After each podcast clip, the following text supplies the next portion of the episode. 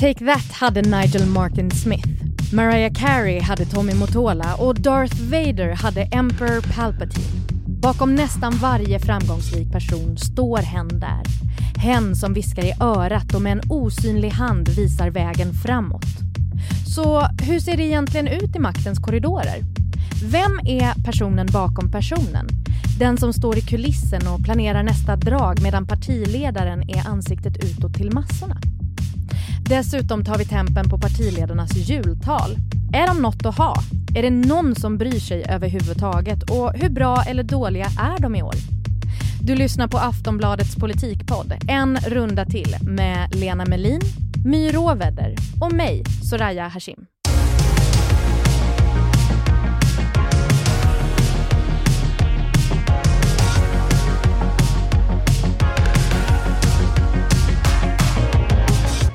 Lena och My, ni har fått nya demoskopsiffror att gotta er med. Eh, och den här gången handlar det om väljarnas förtroende för partiledarna. Lena, jag vet att du kände massa känslor när de kom in. Berätta.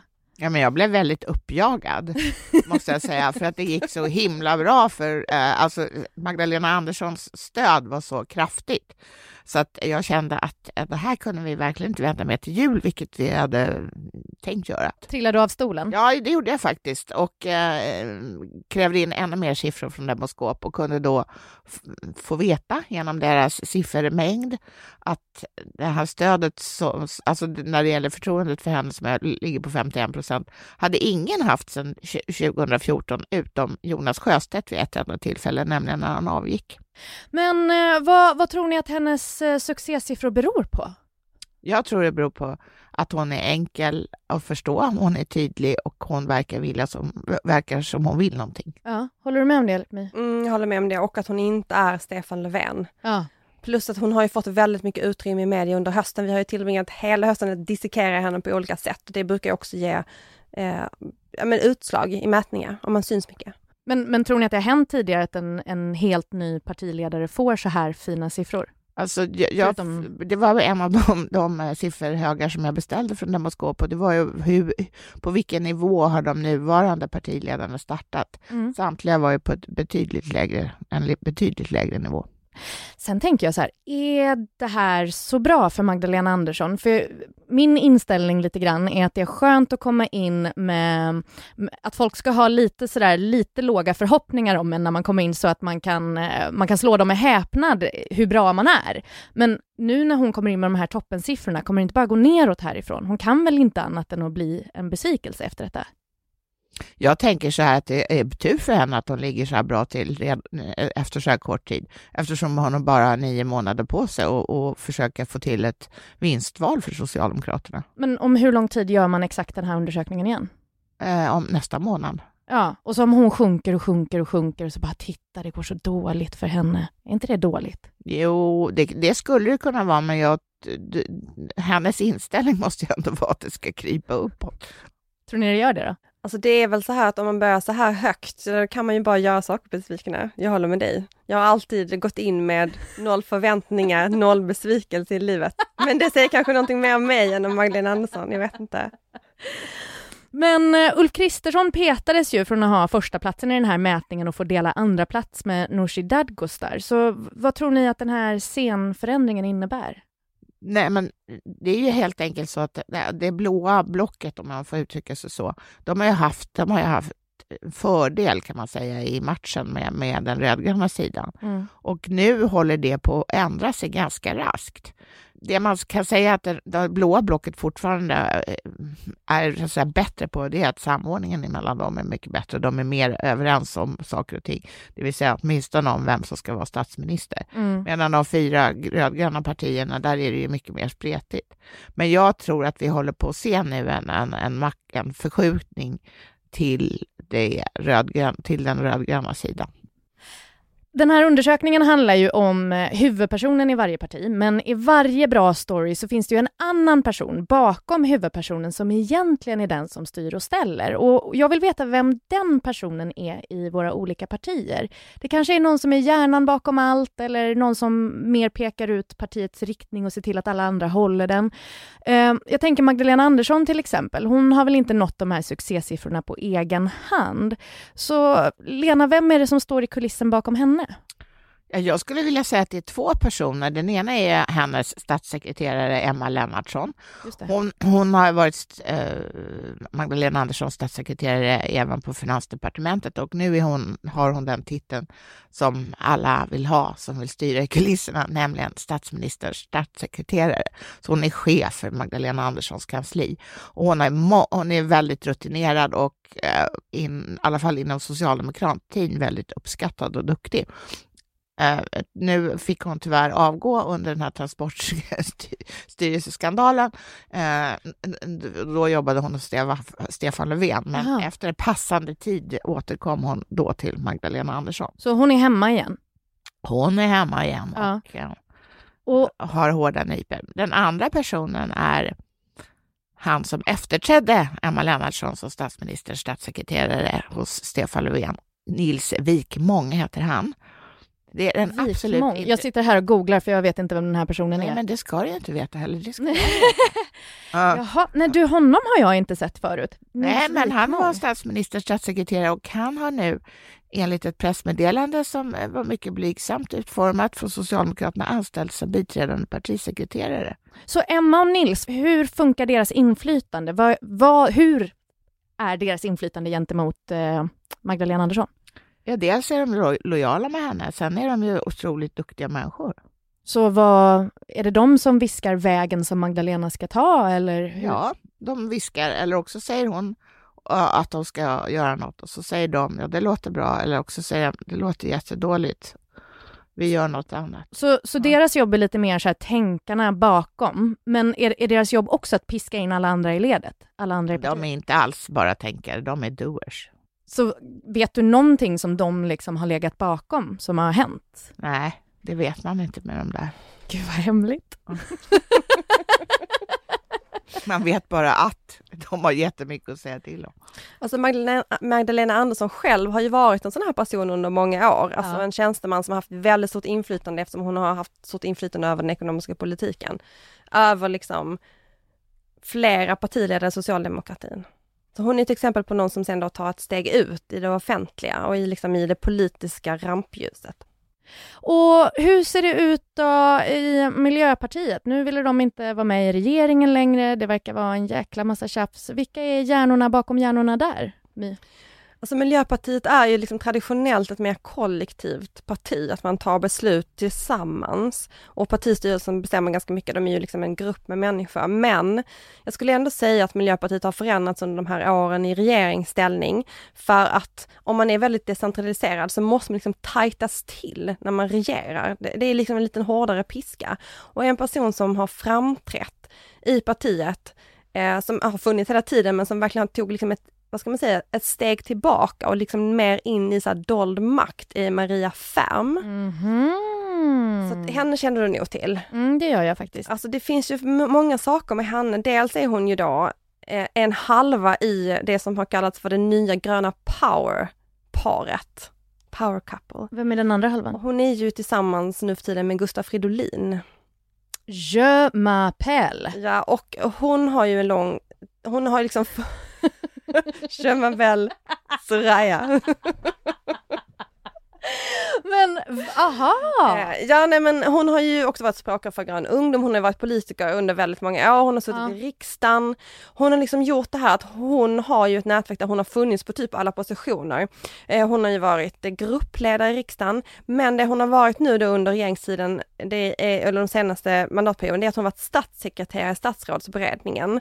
Det låter kanske som en, en hittepå position, för om man liksom inte följer politiken riktigt så nära som vi gör, men eh, det är ju att man... Det mesta låter så faktiskt. ja, men hon har ju varit på samordningskansliet. Precis. Okay. Mm. Så hon har ju varit den miljöpartist som har varit närmast statsministern och hon har ju förhandlat fram deras politik. Hon har liksom haft ett finger med i all politik som har förhandlats fram under den här tiden. Och, och en sån person vet liksom allt. Är det så generellt i Miljöpartiet att det är förmågor som har varit med länge som är de som har mycket inflytande? Verkligen inte. Det är typ det partiet där det är helt tvärtom. Jaha. Man kan ju komma in bara seglandes, lite cool kärn från sidan som Alice Bah Kuhnke och bli jätteinflytelserik i Miljöpartiet faktiskt. Så vill du bli politiker snabbt, gå med i Miljöpartiet? Eller Sverigedemokraterna. Eller Sverigedemokraterna, ja. Hur ser det ut, eh, vem, vem är det som viskar i Ulf Kristerssons lilla öra? Alltså jag tror ju att det framförallt är två, de är ju inte okända, utan den ena är partisekreteraren Gunnar Strömmer, mm. som är gammal god kompis till Ulf. Ja. De har kamperat ihop under lång tid. Um, Gunnar Strömmer är före detta MUF-ordförande, sen uh, lämnade han i princip politiken för att ägna sig åt juridiken och, eh, och det gjorde han under väldigt lång tid. Men sen när Ulf blev partiledare så, så lämnade han det och blev som sagt Ulfs närmaste man kan man väl ändå säga. Mm. Sen en annan som man absolut inte kan bortse från i Moderaterna är ju Elisabeth Svantesson, deras ekonomisk-politiska talesperson. Hon, känd från tv, hennes känd, ansikte vet jag. Ja, känd från tv mm. och eh, också väldigt uppskattad inom Moderaterna. Mm. De um, tycker om henne. Och sen en tredje som kanske inte är lika offentlig, det är Kristina Axén Olin, Kikki kallad. Ja, ja.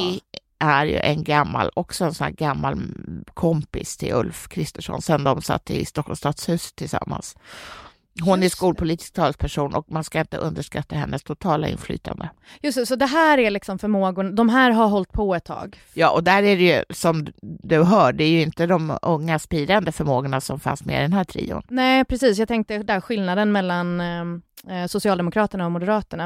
Är det en fördel eller nackdel för dem att, att de här inflytelserika rösterna är av det lite äldre gardet i partiet? Alltså det kan ju vara till fördel nu i den här situationen som de befinner sig i när de vill eh, egentligen ha bara målet inställt på, en, eh, på en, ett enda mål framför sig, nämligen att, att vinna valet. Mm. Då kan det ju vara bra så att man har eh, personer som är, har varit med förr och så vidare. Men på sikt är det naturligtvis inget bra alls, utan då måste man ju tänka att den ideologiska så att säga, återväxten måste finnas, annars så stagnerar ju ett parti. Alltså det här, när Ulf Kristersson blev partiledare, det kom ju från en väldigt turbulent tid. Det har ju skildrats på många olika sätt, alla de här eh, backstabbingen som pågick inom Moderaterna när de kastade ut Anna Kinberg Batra. Mm. Så att eh, han behövde ju också ha ett safe space, alltså människor som han verkligen litar på, för att Moderaterna är ju roliga på ett sätt, det är ju att de kan ju bli, de kan ju gå åt ett håll väldigt snabbt plötsligt om de får en stark ledare. Eh, alltså jag tänker det här med Per Schlingman till exempel som var Reinfeldts eh, eh, spindoktor, har det väl kallats. Han blev liksom den första spindoktorn som blev så känd. Han fick så status på grund av det. Att han kunde ju säga till, det är så roligt i Moderaterna, han kunde ju säga till folk så här, vad de skulle ha på sig, vad de skulle säga och så gjorde de det. De följde liksom det. Oj, ja. eh, och eh, så att man behöver ju, Ulf Kristersson behöver ju ha människor som man verkligen litar på runt omkring sig. Men om, eh, om vi går vidare till eh, Centern och Annie, vem är det som hjälper Annie? Ja, men jag, ehm, jag har valt en person som eh, är i rampljuset nu men som inte var det under väldigt många år och det är Martin Ådahl.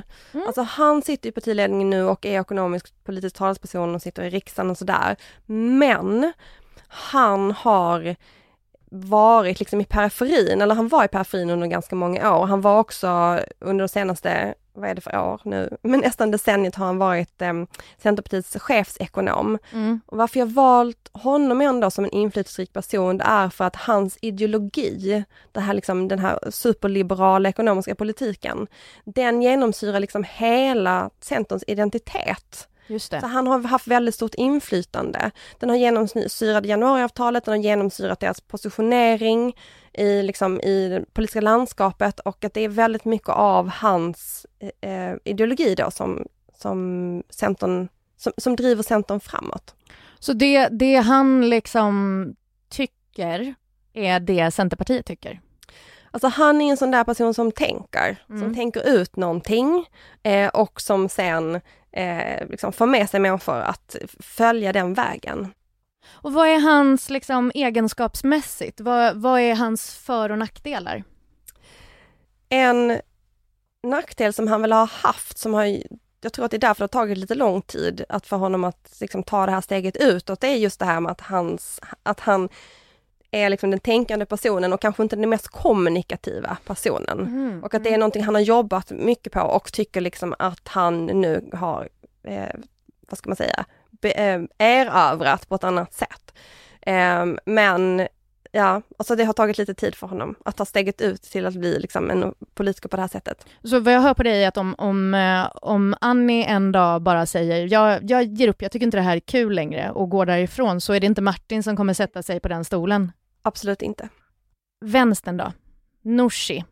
Vem är det som hjälper henne på vägen framåt? Ja, jag tror det är duo på två, eh, men här måste jag säga att här är nog lite på Alice. Eh, Den ena är den arbetsmarknadspolitiska talespersonen Ali Esbati som också rent rumsligt sitter väldigt nära Nooshi Dadgostar på i riksdagen. Och den andra är kanslichefen Kalle Larsson. Båda kan man säga om man är elak, och det är jag nu, eh, tillhör den så kallade plakatvänstern. Vad menar du med plakatvänstern? Det är sådana som eh, vill bullra mer än åstadkomma. Men alltså båda de här två är ju namn som jag känner igen från förr. Alltså de har ju synts mycket förut men hållit sig i bakgrunden nu. Är det för att de viskar i varsitt öra på Nooshi eller? Nej, men Ali Esbati, han är ju riksdagsledamot och, och, och, och som sagt talesperson i, i de frågorna, eh, som han, alltså arbetsmarknadsfrågor. Men sen, eh, Ka- Kalle Larsson var ju riksdagsledamot tidigare Mm. och sen eh, höll han på med något annat, jag vet inte vad, men nu är han kanslichef på, på Vänsterpartiet. Och vad, vad är det de viskar i hennes öra? Jag tror att de är ganska... mm, Alltså jag, jag tror att de har stöttat henne i den här mycket offensiva linjen, måste man ändå säga, som hon Mm. har intagit sedan hon blev partiledare. Framtidsmässigt då för Ali och Kalle, är det, är det här positionerna du tror att de vill ha? Är det här de trivs eller är det här en språngbräda till någonting annat längre fram för dem? Jag har svårt att tro att Kalle Larsson inte vill vara kanslichef, för att i så fall hade han väl kanske inte sökt det jobbet eller tagit det jobbet. Men att Alice Bati nog har siktet inställt på, på, på äh, ännu större uppdrag, det skulle jag bli förvånad om det inte var så. Tänker du att det är ett litet hugg i rygg, ryggen att ta partiledarposten? Nej, jag tror inte att han kommer hugga Nooshi Dadgostar i ryggen, det tror jag faktiskt inte. Men han kanske kan anmäla sitt intresse när hon eh, en dag ska lämna det uppdraget. Lägga in lilla lappen? Mm. Mm. Nu har vi gjort så att ni har fått välja tre partier var och vi har alltså ett parti kvar och det är Sverigedemokraterna. De valde du My. De vill du Jag prata har om. valt dem. Ja. Ja men det här är ett väldigt speciellt parti. Eh, det var ju de fyras gäng först, Jimmie Åkesson, Richard Jomshof, Mattias Karlsson och Björn Söder som styrde. Sen blev de ju färre. Mm. De eh, hakade av Björn Söder. Eh, och sen har de ju hållit det här partiet i ett järngrepp och de gör det fortfarande. Men eh, den personen som jag tänkte att vi skulle prata om lite, det är en person som har ett finger med i mycket Mm. i partiet och det är deras kommunikationschef som heter Joakim Wallerstein. Och, Det är ett googlas, Joakim. ja, och när jag säger vad han gjorde tidigare och du tittar på hans bild så kommer allting att falla på plats. Ska du få upp bilden? Ja. Han har jobbat med reklam tidigare. Nej, reklam! Ja, Jag vad tänkte du säga? En PR-kille? Nej, jag skulle säga att han var med i ett syntband. Oj, ja men det är nog för att du inte sett honom i verkligheten. Reklam, okej! Ja, han har jobbat för partiet i ja, men nästan ett decennium så att han har ju varit partist länge nu och det finns ju inget parti som är lika bra på kommunikation som Sverigedemokraterna är. Alltså de har alltid varit bäst i sociala medier till exempel. Eh, och Wallerstein, jag skulle väl kanske bäst beskriva honom som en person som hela tiden ligger på, på gränsen på vad som är liksom acceptabelt i det offentliga Mm. i liksom deras uttryck och reklam. Du kanske minns en reklamfilm där det var kvinnor i niqab eller burka, jag kommer inte ihåg, som sp- sprang ner en massa pensionärer. En valfilm. Eh, sen har det varit den här reklamen i Stockholms tunnelbana eh, som också väckte ganska mycket debatt. Jag kommer inte ihåg exakt vad det stod på den. Ja, men det var väl att de hade tapetserat typ De hela, hela tunnelbanan. tunnelbanan. Och det blev också ganska mycket ståhej för det var en stor demonstration i närheten av den tunnelbanestationen Precis. mot Sverigedemokraterna. Så att när demonstrationen var över så sprang folk ner i tunnelbanan och började riva ner de här. Och det Precis. hamnar också på sociala medier. Du hör själv, han är Mm. ju väldigt bra på den här liksom, var, var går gränserna, var Mm. skapar man debatt? Sen har det ju parallellt med det här så driver han ju en annan slags kampanj för Sverigedemokraterna och det är ju att Sverigedemokraterna kan vara vem som helst. Just det kan vara en kille i ulltröja, det kan vara en glad tjej, det kan vara liksom din granne, det kan vara du, Mm. det kan vara en journalist. Det finns liksom två parallella kampanjer som han eh, orkestrerar på ett mycket skickligt sätt ändå och som liksom betyder väldigt mycket för partiet. Det senaste projektet är det här Riks, som är deras tv-satsning. Mycket uppmärksamhet kring det. Man får mycket uppmärksamhet. Mm. Jag skulle kanske bäst beskriva det som att man på ett högljutt sätt beskriver olika typer av nyheter. Jag är nyfiken på, vem skulle ni vilja ha som en fågel i ert eget öra och viska lite? Någon som styrde er framåt lite grann? Om ni var tvungna att välja någon av de här personerna ni har nämnt. Alltså de här personerna. Jag har någon av dem, alltså det skulle passa min personlighet så otroligt dåligt. ja, ja, men att ha nu, en puppet master, jag är liksom en helt oregerlig person. nu säger vi att du är partiledare för My-partiet här. Vem av de här personerna tror du hade liksom gjort sig bäst som din lilla viskare i örat? I egenskapsmässigt och Jag har en kompetensmässigt och så. tvååring hemma, jag har alltid någon som viskar i mitt öra vad jag ska göra. Lena, du då? Nej, jag väljer Wikmång. Varför då? Jag tror att han, eh, han har jobbat med svårare material än jag. Så, jag tror, så att jag tror att han kommer att vara framgångsrik. Ja.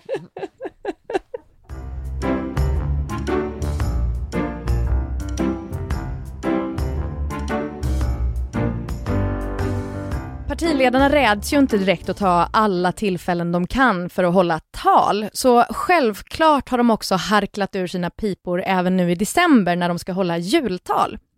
Hittills har Liberalerna, Centern och Kristdemokraterna hållit tal och Moderaterna skulle ha hållit sitt men Ulf Kristersson åkte på coviden, så det blir lite längre fram.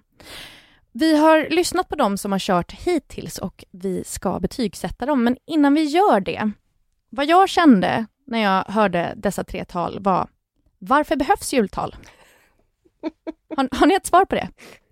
Nej, alltså jag tror inte att jultal behövs. Jag tror att det är oerhört obehövligt. Ja. Och um, men allt måste lastas Fredrik Reinfeldt som uppfann åtminstone det svenska jultalet på partiledarnivå. Varför gjorde han det? Jag tror han kände att han som ny partiledare behövde komma ut så ofta som möjligt. Och han hade ju oftast eh, nå- funderat på någonting och hade ett budskap. Men då kunde inte de andra partiledarna vara sämre. Så då måste också de, de, de också ha jultal, vare sig de hade något att säga eller ej. Och jag kan säga att människor i slutet av december, precis före jul, har annat att göra än att lyssna på jultal. Tror du det? Ja. Alltså. Alltså en bra utveckling tycker jag ändå att de har börjat ha dem inomhus.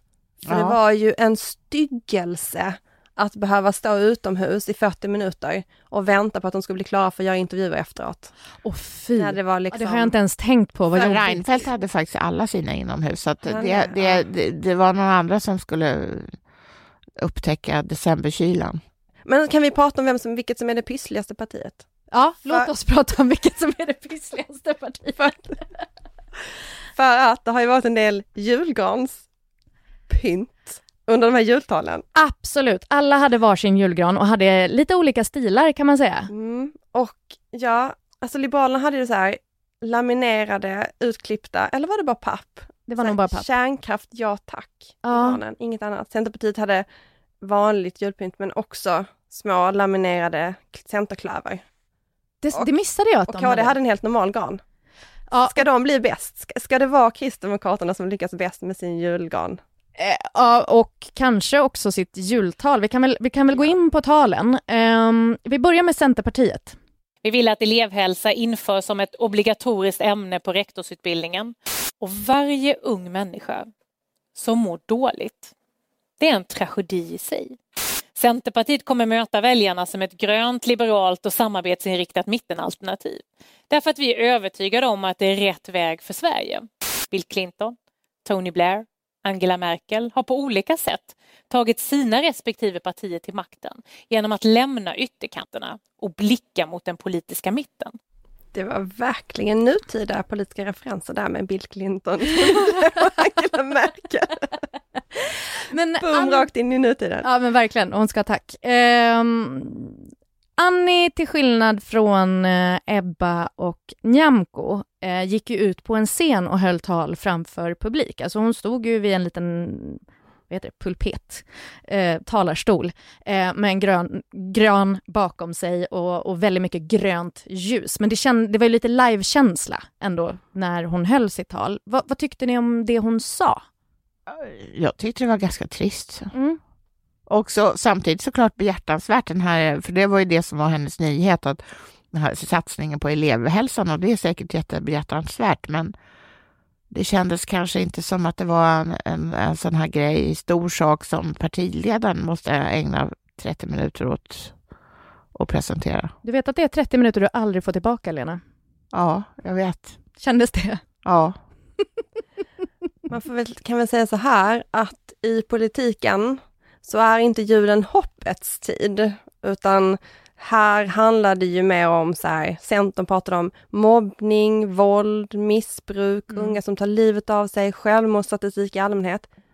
Man gick inte ut med peppen efteråt. Alltså hon är ju, själv verkar det som väldigt intresserad av den här typen av frågor, för hon tar ofta upp dem ja. i sina tal. Och likaså våld mot kvinnor, alltså ja. alltså mäns våld mot kvinnor. Det är två ämnen som hon ofta återkommer till. Så att, uh, på det sättet var det ju bra att hon talar om någonting som hon själv tycker är viktigt och ja. inte bara någon annan har tyckt var viktigt. Nej men precis. Det märks att hon blir berörd också. Det är ju någonting som faktiskt saknas i ganska många politiska tal, att man visar någon slags rörelse. Mm. Men vi kanske ska prata om Liberalernas tal efter, så kan vi prata om hur man gör när man inte visar. Det kan vi absolut mm. göra. Men först, jag vill ha era betyg. Hur många plus får Annis tal? Jag får tyvärr bara två mm. och det är godkänt på vår väldigt stränga skala. Mm. Och vad säger du Mi? Ja, men jag ger en trea eftersom att det här delen där hon visar den här mänskligheten i mitten ändå, där hon tar upp någonting som hon brinner för och visar att det betyder någonting för henne. Mm. Det vill jag ge en, en extra. Ja, jag skulle vilja ge en trea för det, men det var så grönt allting och det var ganska dåligt ljud och ganska dålig bild. det måste vara grönt. Passar man inte grönt? Men det var ju också vitt där till vänster. Men ljuset, alltså ljuset på ja. scenen var så grönt så att hon såg grön ut. Hon såg ut som så här Poison Ivy i Batman, alltså en av skurkarna som är så väldigt grön. Uh, det, det ger jag en tvåa för. Vi går vidare till Liberalerna. Vi är alternativet i mitten som är beredd att prata med hela riksdagen för att hitta lösningar på samhällsproblem. Sverige behöver en ny regering. En regering som får saker gjorda från start. En regering som kan utnyttja att det finns ett stort stöd i riksdagen för att bekämpa gängkriminalitet, hedersförtryck och växande parallellsamhällen. Liberalerna är det enda parti som har ingått i alla borgerliga regeringar. Det är en ledartröja vi kommer att behålla. Vi är det liberala partiet för den liberala väljare som har tröttnat på Centerpartiets röstbingo. Vad bär ni med er från det här talet? Faktum är att jag bär med mig en skylt som var till höger om mm. Nyamko Sabunis huvud medan hon pratade, där det stod dyrare el och det verkade som att man, det var ett krav från Nyamko Sabunis mm. sida att elpriserna skulle gå upp kraftigt helst. Och så var det liksom pyttelitet stod det längst upp, ja. typ Socialdemokraternas fel. Ja, och det såg man inte först. och kan vi prata lite om rummet som hon satt i? Det var Nej men det var så, det, igen, dåligt ljus, dåligt ljud, dålig mm. bild och så sitter hon med den här granen då. ljud som trängde igenom. Ja, nej det var, och vid ett tillfälle så skulle de byta vinkel men, men det blev liksom ännu sämre. Då var det som att hon knappt var i rummet längre. Det var, ja nej det var, de behöver någon som har gått liksom mediegymnasium för att hjälpa dem med den här typen av kommunikation känner jag. Hörde ni någonting hon sa? vi hörde allt, men vi kommer inte ihåg någonting av det. Alltså jag tyckte också att det var så här, det var lite som att hon bara pratade sina stödord. Hon hade skrivit ner stödord och så Mm. pratade hon dem och så glömde hon att hon liksom skulle ha ett sammanhållet ta, alltså samtal med människor som lyssnade. Mm. Ehm, och så att det var väl lite, det var väl lite känslan av att hon läste den här önskelistan, Tom till tomten, av hur de önskar sig att de var och hur de önskar sig att de ska bli förhållna till. Varför... ehm, vad Varför gör varför, de på detta viset? varför gör de på detta viset och vad är liksom... Jag vill hjälpa Nyamko. Alltså dels så är hon ju en eh, tråkig talare, men sen är det ju också att ju- det är obegripligt att människan står på sina två ben. De, det går ju så dåligt för Liberalerna så att hon, jag tycker att det är beundransvärt att hon ändå tar sig fram och håller ett jultal och, och inte sängnar ihop. Mm. Jo, jo, nej, men det tänker man ju på. Hur känns det att vakna på morgonen och vara Nyamko? Det kan inte vara kul. Nej. En sak som jag tycker är genomgående för partiledaren framförallt som är lite misslyckade, det är det här att de eh, är kränkta. De Mm. är kränkta över att människ- mänskligheten inte förstår deras storhet. Ja. Och eh, det är någonting de måste lägga åt sidan på stubben, alltså för det står man inte ut med. Så hur många plus får Nyamko? Ja, Och betyder det underkänt då? I... eh, det, eh, nej det betyder dåligt. Sen om det, man kan också få minus och då är det uselt. Mm. Ja, det är ett snällbetyg. Jag säger Ja, också vi var ett. snäll- Ja, det är ett snällbetyg. Vi går vidare. Vi går vidare till Ebba Busch.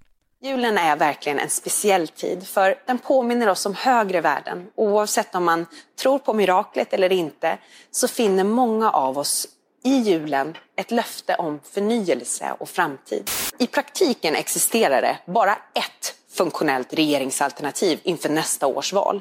På det sätt som landet styrs, eller snarare inte styrs idag, kan inte politiken heller bli annat än väldigt kortsiktig. Och för sjukvården så innebär det att varje år blir till ett förlorat år. Berätta, vad kände ni när ni såg Ebbas Carola blick in i kameran? Varför är hon så arg? Jag tycker hon är arg!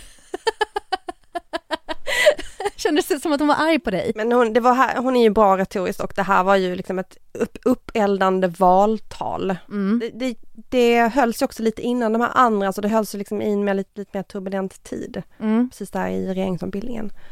Vad säger du Lena? Nej, men jag tycker också att det var bra. För att vara ett sånt här digitalt eh, tal eh, utan publik så tyckte jag också att det var ganska full fart. För de tenderade till att vara ganska mycket tråkigare och lamare. Men då stod hon ju på en balkong och var upp, uppenbarligen lite uppjagad och hade skaffat en julgran och allting. Mm. Och sen hade hon egentligen bara två saker att säga, vilket är, är kanske lagom. Möjligtvis kan man säga tre saker i ett sånt här kort anförande. Och det var ju ena byt regering för alla andra som inte vi har med att göra, de är jättedåliga. Och, och, sen, så, och, och sen vi är Sveriges bästa parti. Ja. Jag tyckte, jag var imponerad. Jag tyckte att det här var liksom snyggast av alla. Ljudmässigt, bildmässigt, granen var snyggast. Hon höll blicken in i kameran hela tiden och det kändes som att hon... Alltså jag var jätteimponerad av mängderna text hon kunde leverera men ändå mycket inlevelse. Jag hörde inte ett ord, jag hörde inte ett ord hon sa, men jag liksom, jag hörde det men jag, det fastnade inte. Men, hon låste fast dig med blicken. Ja, men Carola-blicken är strong with this one. Mm. Alltså så är det. Och- ja, jag var imponerad. Men igen, det var inte mycket som fastnade i huvudet på mig av det hon sa. Det jag minns var att hon sa att de andra är en röra och att alla ska med i deras parti. Typ. Nej, men det var väl allt du behövde veta. Sen var det en grej till som fastnade i mitt huvud. Ja. Det var att hon så raskt sa miraklet Ja. Och då tänkte jag, vad är det för mirakel? Och sen kom jag på, okej, det är jul, det är Guds födelse, eller vad heter det, Jesu födelse. Mm.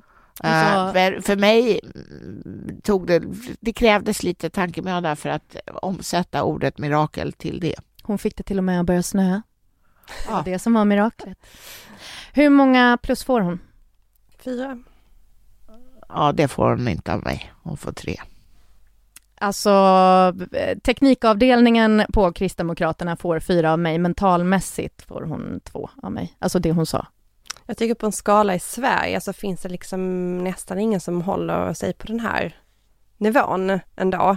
Det tycker jag är Nej men det är pro-level, absolut. Mm. Men, men det är fortfarande att eh, orden som sägs behöver ju också något mer tycker jag. men jag Ett tycker det. innehåll. In, Ja. Lite innehåll liksom, men, men jag tycker hur hon framför det är ju jätte, alltså hon är ju skitbra liksom. Fyra plus är mycket bra. Fyra plus, ja nej men hon får en trea. Fem plus, då är det världsklass och då måste vi ta hit Obama. Ja nej men Obama är hon ej. Okej men eh, så här, ska vi, ska vi liksom ta bort den här lagen om att hålla jultal? Hade ni lyssnat på detta om inte vi hade tvingat er att göra det? Mm. Ja, det hade jag gjort, men också. Men det, alltså, det är ju bara för att jag har det jobb jag har. Annars skulle jag absolut inte ha gjort det. Om det inte ingick i din liksom lön så skulle du Nej, inte göra det. nej, men, nej, men nej, det skulle aldrig i livet komma på tanke, måste jag säga. Aftonbladets politikpodd En runda till är slut för den här gången. Vill du ställa en fråga till Lena eller My eller till båda? Mejla till podcast@aftonbladet.se. Vi som har gjort programmet är producent Olivia Svensson, experter Lena Melin och My Råväder och jag heter Soraya Hashim. Glöm inte att trycka på prenumerationsknappen. Vi hörs nästa vecka.